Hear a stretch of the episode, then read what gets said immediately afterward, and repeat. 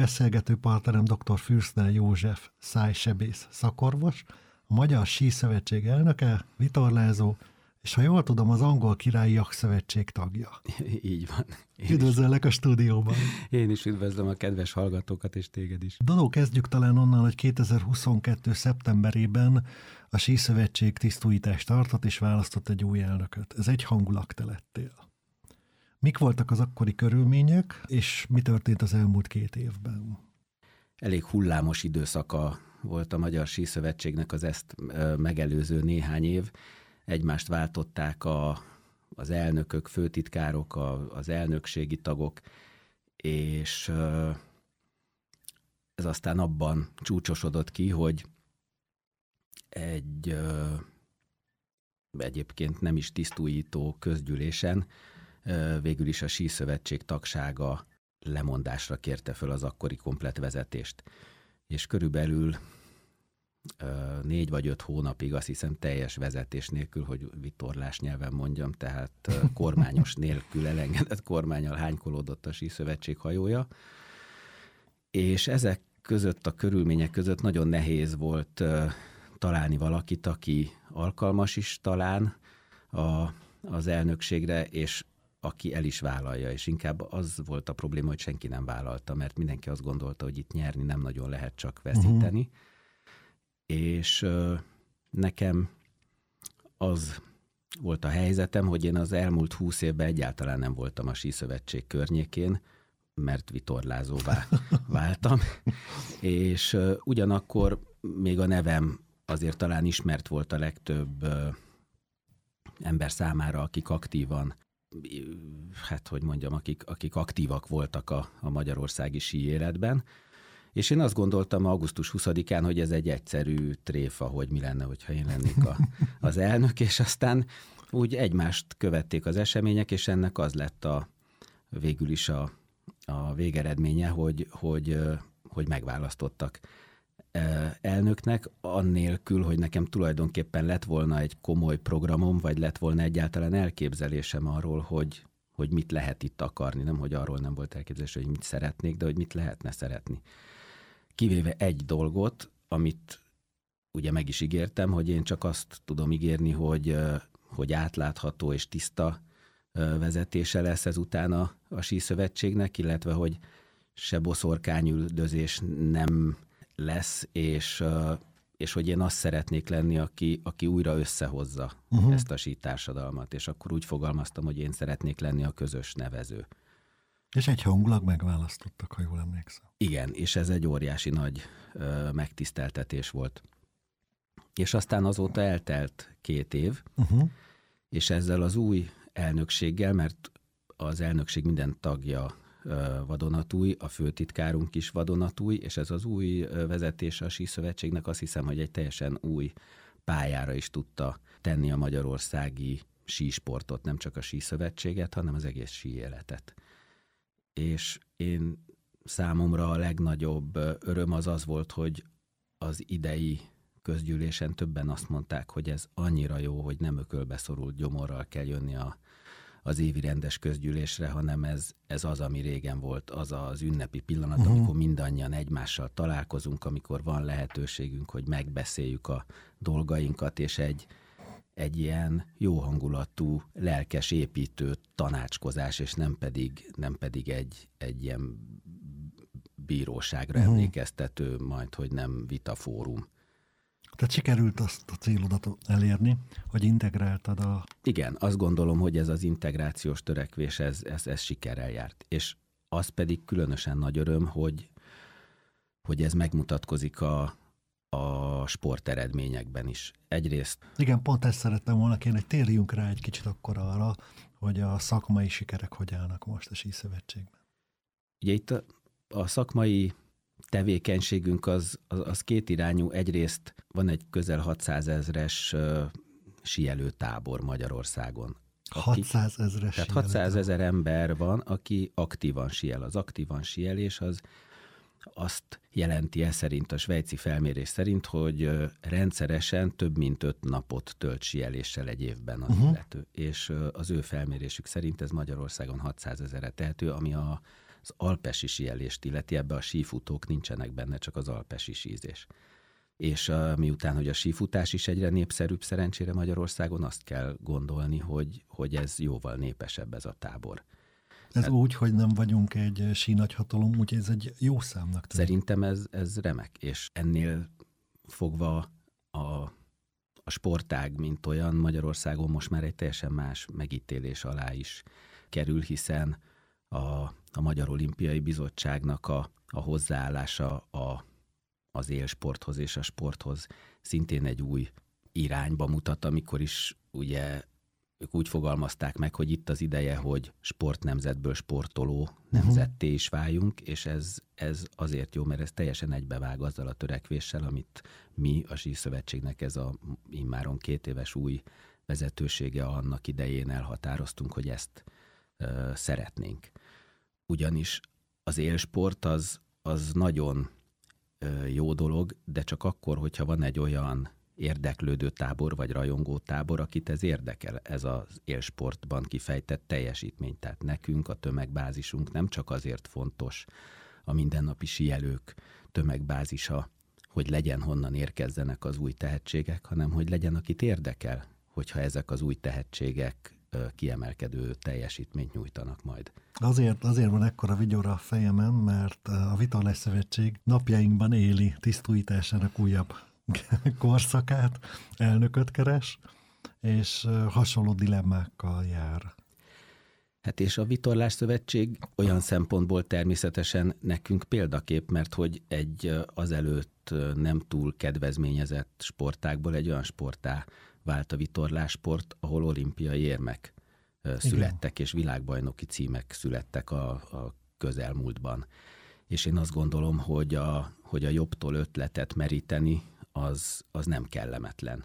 És uh, ilyen szempontból a Vitorlás Szövetség az egy nagyon jó példa volt számunkra, a másik nagyon jó példa az Úszó Szövetség, de hát ott azért uh, nehéz párhuzamot vonni, hiszen igen, abban igen. világhatalom vagyunk, de ott is nagyon-nagyon sok olyan aspektus van, amit, amit egy az egyben megpróbáltunk mi is lemásolni, mint, mint törekvést. Legalábbis. Igen, azt gondolom, hogy ez, ez teljesen jó párhuzam ez a, a vitorlázók, hiszen ő nekik is egy nagyon komoly tömegbázisuk van, és van egy-két olyan példaképük, akikre meg mindenképpen érdemes felfűzni egy programot. Nézzük meg ezt egy kicsit akkor, hogy hogy zajlik a, a sí szektorban ez. Ugye a vitorlázók kvázi tenger nélkül hoztak egy olimpiai ezüstöt Beret Zsombor nevében, akár megnézhetjük a korcsolyázókat, a liu testvéreket, ő nekik is volt valami sikerük, talán mindenképpen azt mondhatjuk, hogy bár múlt időben, de Magyarországot föltették a sporták térképére. Hogy állunk itt a, a sí szakosztályokat illetően, a sí eredményeket illetően?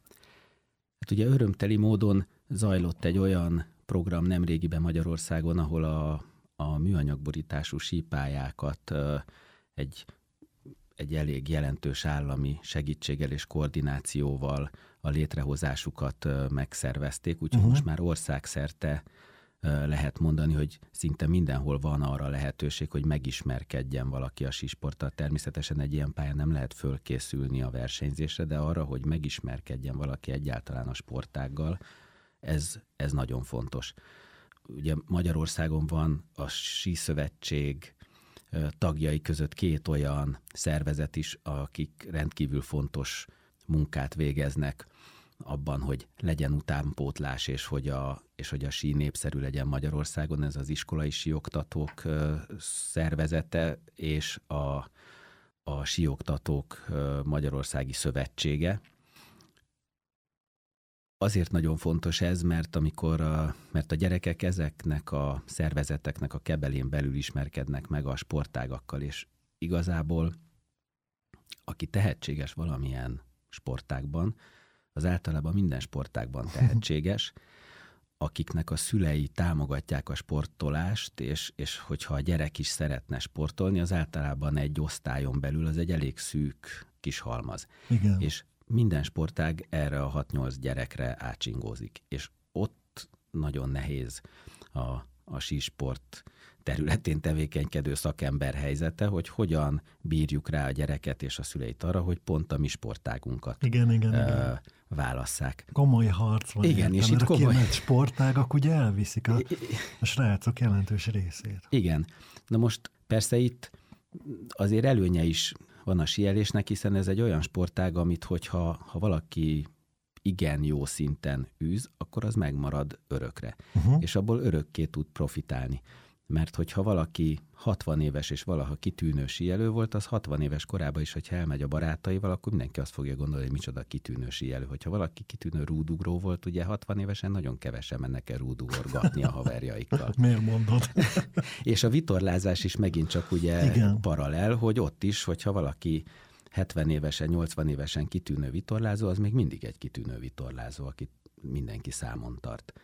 És hogy látod, lesznek nekünk kis sízőhőseink? Hogy áll a mostani utánpótlás? Igen, szerencsére vannak még mindig olyan eltökélt sportolók és családok, akik, akik komolyan gondolják csinálni, főleg az alpesi sí területén, és azt örömmel jelentettem, hogy, hogy a 2000 2006-os, 2005-ös korosztálytól fölfelé olyan 21-22 éves korig most van nyolc olyan versenyzőnk, akik, akik kimagasló teljesítményeket nyújtanak már most, tehát ifjúsági világbajnokságon korosztályában két évvel ezelőtt megnyerte például az, az Uri Bálint, aztán a, a Trunk Tamás, aki szintén nagyon fiatal, az EOFON tizedik helyet ért el, és uh-huh. jelenleg is szlalomban parád és fiszpontokat produkált, tehát nagyon nagy ígéret.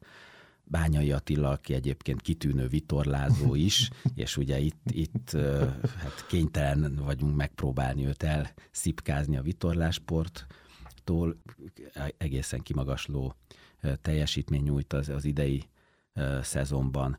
Aztán a lányoknál Tóth Zita, aki, aki az első olyan, aki világkupán is tud most már indulni. Akkor uh, ugye hosszú idő után uh, Miklós Edit teljesítményét reméljük, hogy, hogy utol fogja érni. Úgyhogy ezek, ezek mind olyan bizalomgerjesztő Nagyon fejlemények, jelek. amiket hát remélünk, hogy, hogy, hogy tudjuk támogatni megfelelő szinten. Ugye itt elsősorban arról van szó, hogy a szövetség anyagilag hogyan tudja ezt megvalósítani. Hát itt a, az állam részéről egy nagyon nagyvonalú és nagyon hogy mondjam, nagy bizalmat jelentő támogatást élvezünk, annak ellenére, hogy mi még nem tudunk az mondjuk az úszáshoz, vagy a, a, a kajakkenu sporthoz hasonlítható eredményeket, vagy a vitorlázáshoz hasonlítható eredményeket produkálni, de, de nagy a bizalom, és törekszünk, és hát ilyen szempontból óriási szerencse, hogy a, hogy a korcsolyasport így fölverekedte magát a téli sportok közül, mert ez, ez miránk is napsugarakat vetít, szóval élvezük ennek a, a gyümölcseit mi is. Igen, a közelmúltban kapott szerencsére az a hír, hogy örökbe fogadtátok a gyerekbajnokságot is. Mondanál erről pár szót? Igen, hát ez, ez azért gondoltuk fontosnak, mert ahogy az előbb is említettem, nem csak a, tehát az élsportnak nincsen úgy értelme, az én meglátásom szerint, hogyha nincs egy olyan stabil tömegbázis, ami, ami megérdemli uh-huh. azt a fajta élsportot, hogyha ez csak egy ilyen fölfelé állított létre, az könnyen ledőlsz, tehát nekünk muszáj egy piramist építeni. És ezek a, az amatőr versenyek, ezek a, a szabadidős sielési lehetőségek, amik, amik ezeken a műanyagpályákon is vannak, ezek azért fontosak, hogy hogy minél több gyerek ismerkedhessen meg a sieléssel, minél többen kapjanak rá az ízére. Egy ilyen amatőr bajnokságnak a támogatása azért fontos, mert, mert itt van arra lehetőség, hogy olyan gyerekek, akiknek tetszik ez a sielgetés, ez a sportolgatás, és a szüleik meg olyan sportosak, és szeretnék, hogy valamit sportoljon a gyerek, azt gondoljuk, hogy ha itt sikerélményben van részük, hogyha ezt meg tudjuk olyan körülmények között rendezni, hogy a szimpatikus uh-huh. legyen, és nem pedig egy olyan esemény, ami, ami ugye méltán nem vonzó, és akkor miből gondoljuk mi azt, hogy majd pont síelni akarjon ez a gyerek, és ne rögbizni, és ne amerikai focizni, és ne úszni, és ne vízilabdázni. Hogyha mi támogatjuk ezt a, az eseményt, akkor talán onnan ugye arra az ötletre jutnak családok, gyerekek, hogy ők akkor elmennek és megkeresnek egy síklubot, és ott leigazolnak, és rendszeresen járnak edzésre, és akkor, ha minden jól megy, akkor ebből számunkra az utánpótlás majd létrejön. Legyen így. Mesélj egy kicsit arról, hogy mennyi időd van neked sízni? Hát kevesebb, mint az előtt, amikor nem voltam a síszövetség elnöke, ez sajnos kétségtelen tény, de azért azokon az alkalmakon, amikor, amikor ilyen hivatalos funkcióból kifolyólag kell különböző síhelyeken lenni, akkor azért a többi ország síszövetségének az elnökeivel együtt mindig szakítunk arra időt, hogy tudjunk síelni. Ez most a Covid alatt ugye különösen jópofa volt, mert gyakorlatilag üle, üres lezárt hegyeken és üres lifteken tényleg már-már szégyeltük magunkat, hogy milyen csodálatos körülmények között Na, síelünk jó. a világ legszebb sí helyein, mert hogy a nagy közönség számára ez mind zárva volt. De ez egyébként egy kitűnő fóruma is annak, hogy, hogy az olyan informális baráti kapcsolatok létrejöjjenek, ami, ami szerintem nagyon fontos, és azt most már nem lehet nem látni, hogy sportdiplomáciai szempontból a, a magyar sísport tényleg az elmúlt két évben nagyon jelentősen fejlődött, és itt, hogy mondjam, nagy, nagy pozitívum, hogy, hogy valamelyes sikerült a fitségemet megőrizni így hajlott koromra is, és jaj, hogy vala, duma, jaj, de vala, valaha egész jól sieltem, mert, mert bizony a, mondjuk a Svejci Síszövetség elnöke Urs Lehmann, aki valaha világbajnok volt, vagy, a, vagy az osztrák Síszövetség elnöke, ezeknél föl, kell, van, föl kell kötni a gatyát, hogy az ember tudja tartani a, a lépést, viszont hát ugye egyrészt óriás, nem gondoltam volna soha életemben, hogy ilyen emberekkel fogok én egyszer együtt sielni, mert amikor én aktív válogatott voltam, akkor ugye ő ment a kettes rajtszámmal, én meg a 122-essel, tehát nem találkoztunk a pályán, pedig hát Jó, de most vagyunk, de most, most, a, most na, egyébként az a vicc, hogy már nem... elnökök kupáján ott vagy a dobogón velük. Igen, de az a helyzet, hogy egyébként azért is, Jósi, 55 éves korára az embernek már nem látszik így első blikre, hogy a másik világbajnok volt, pedig csak 150 Igen, 50 fölött kiegyenlítődnek a technikák. Igen. És figyelj, annyit mondjál még nekem, hogy a sízők, amikor befejezik a szezont, akkor mindannyian jönnek és vitorláznak? Hát amikor én versenyző voltam, akkor ez szinte egyértelmű volt. Sőt, Ugye? volt, aki ugyanabba a klubba. Tehát a, a fináciak, a litkeiek a BKV-ba sieltek, BKV-ba vitorláztak, és volt olyan év, hogy ugyanabba az évben megnyerték a klubjuknak a síbajnokságot is, meg a vitorlásbajnokságot is. Manapság is ez van, csak sajnos, vagy nem sajnos, hanem hát az a helyzet, amit mindenhol lehet látni, hogy az élsport annyira specializálódik, hogy, hogy azért egészen kimagasló nemzetközi teljesítményt egy idő után már nem lehet elérni, úgyhogy az ember multisportos, csak igen. egy ágra fókuszálva. De mm, de ifjúsági vagy, vagy serdülő szinten szerintem ez még mindig nagy az átfedés a síversenyző és vitorlás versenyző gyerekek, de a, a, az amatőr, vagy hogy mondjam, szabadidősport tekintetében ott meg szinte biztos vagyok benne, hogy, hogy ilyen 70-80 százalékos, uh-huh. hogy aki siel, az vitorlázik is, vagy szörfözik és snowboardozik, de szóval, hogy ez a két sport, ez rokon. Dodo, mesélj egy kicsit nekem a Hong Kong Challenge-ről. Hát ez a Hong Kong Challenge nekem azt hiszem, hogy az életem egyik legnagyobb kalandja, hát ez 97-98-ban volt, úgyhogy ez, vagy 96-97-ben volt, szóval jó régen. Még csak... legénytól pejhedzett az álladó. Igen, igen, akkor még csak 20 éves kis siheder voltam, és a társaim is, ugye, akikkel, akikkel ezt végrehajtottuk, ezt a föld körüli versenyt. A sízős rácok, akik elmentek vitorlázni veled a föld körül. Így van, négyen voltunk, akiknek az volt a sportmúltja, hogy síelő. Kik És csak kicsit vitorlázó. A Barta András, a Sükös Balázs, és hát a Vörös Szabolcs, akit persze hát manapság már mindenki a vitorlázás miatt ismer, hiszen ő az, aki Fanándi nyomdokaiba lépett. Na és mesélj egy kicsit, milyen hajóval és milyen távon mentetek, kinek az irányításával? Annak idején Kopár István kapitánysága alatt mentünk, és ez a Hong Kong Challenge, ez egy egy évig, 11 hónapig tartó, Londontól Londonig tartó torlásverseny volt, ahol 12 hajó indult, ezek uh-huh. ilyen nagy 55 és 60 vagy 70 láb közötti hajók voltak, és ebből hatan teljesítettük a, a földkerülést, a többiek lemorzsolódtak különböző okok miatta nem elsüllyedtek, de szóval, hogy mindenki valami miatt elkopott. És, és hát a saját magunk és mindenki más nagy megdöbbenésére azt mi nyertük ezt a versenyt, akkor igen. A sízők összeálltak a Kopár Istvánnal, és megnyerték igen. a földkerülő versenyt. Mert hát Kopár István ugye ő egy tengerészkapitány volt, még annak idején a Mahartnál, tehát ő, ő egy hivatásos tengerész volt, és ő maga is egyedül már akkor megkerült egyszer egy saját építésű hajóval a földet, de nem versenyben. Uh-huh. Volt olyan pillanat, amikor úgy éreztétek, hogy ez necces, és nem biztos, hogy sikerülni fog? Hát ugye az elején mindenképpen, mert az első három, ez 17 szakaszból állt ez a verseny, és hát én azért izgultam nagyon, hogy hát hát, ha valahogy körbeérünk, és hogy mindannyian.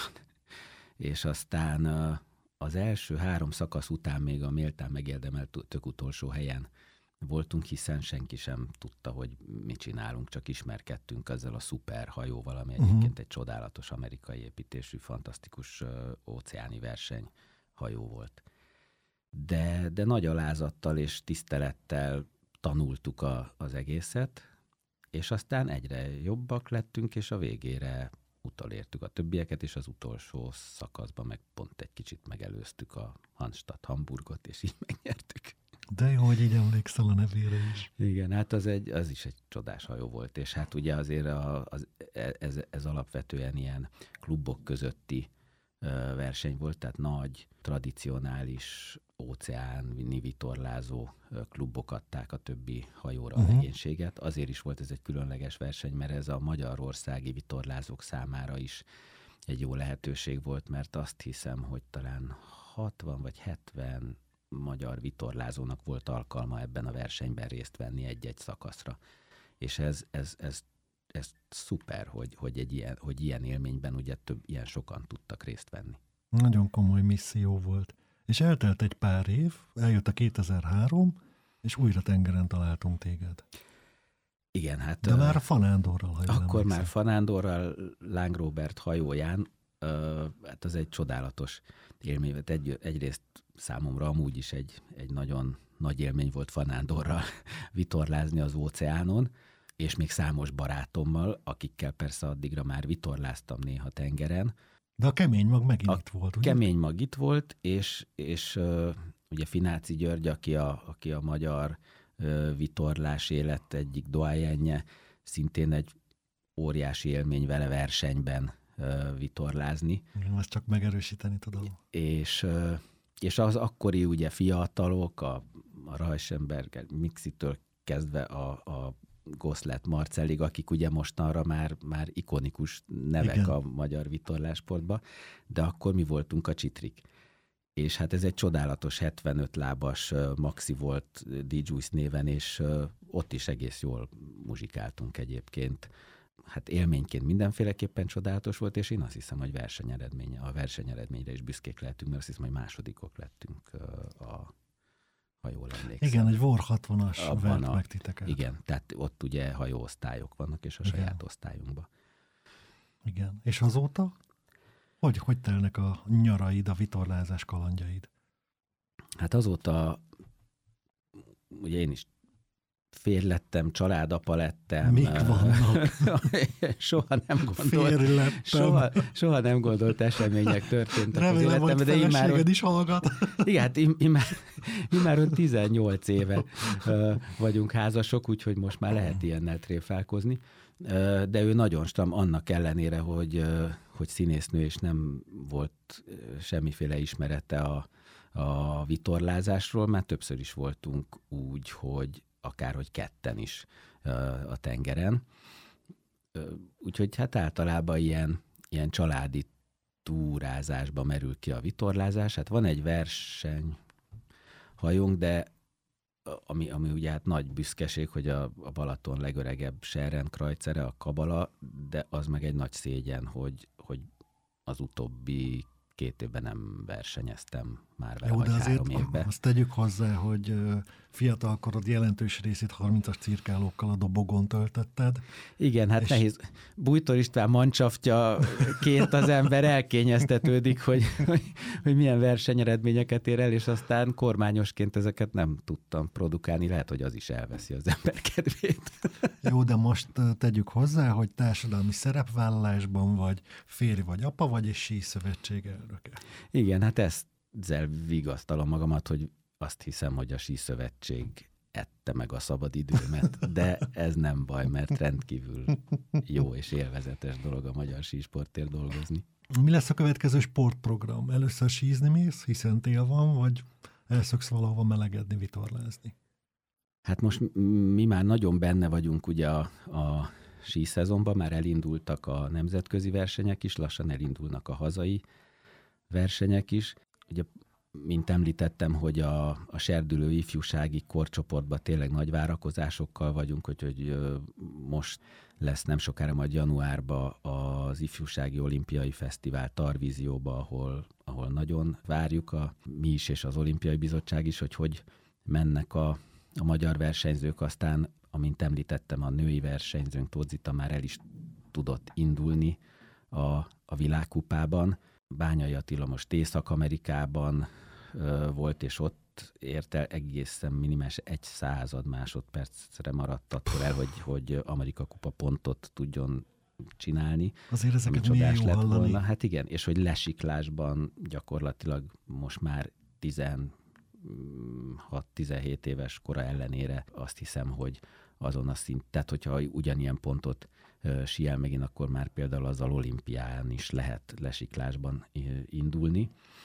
Aztán lesz az ifjúsági világbajnokság, ahol szintén nagy várakozásokkal vagyunk, és, és hát az idén ugye a, az iskolák közötti versenyeket, tehát a diák, az úgynevezett diák olimpiát szeretnénk kiterjeszteni, és nem csak egy néhány napos eseményé, mint ahogy az eddig volt, hanem hogy az egy olyan egész éven át tartó hmm. esemény sorozat legyen, ahol minél több iskolás korú amatőr és nem igazolt síelő is tudjon síversenyeken részt venni. Ugye hát nagy öröm, hogy a, a jelentősebb sípályáink azok már nyitva vannak, igen, tehát igen, igen. Mátra, Szent István, azt hiszem talán dobogók is.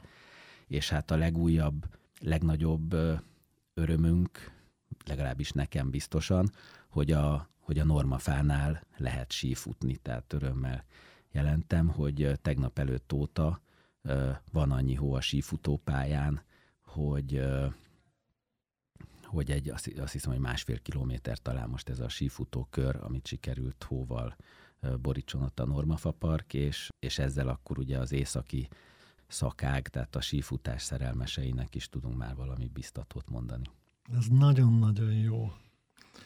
Drága hallgatók, a stúdióban beszélgető társam dr. Fürsten József volt, szájsebész, vitorlázó, síszövetség elnök és földkerülő. Most már ezt is tudjuk. Nagyon szépen köszönöm, hogy itt voltál velünk. Én köszönöm. Viszontlátásra. Viszontlátásra.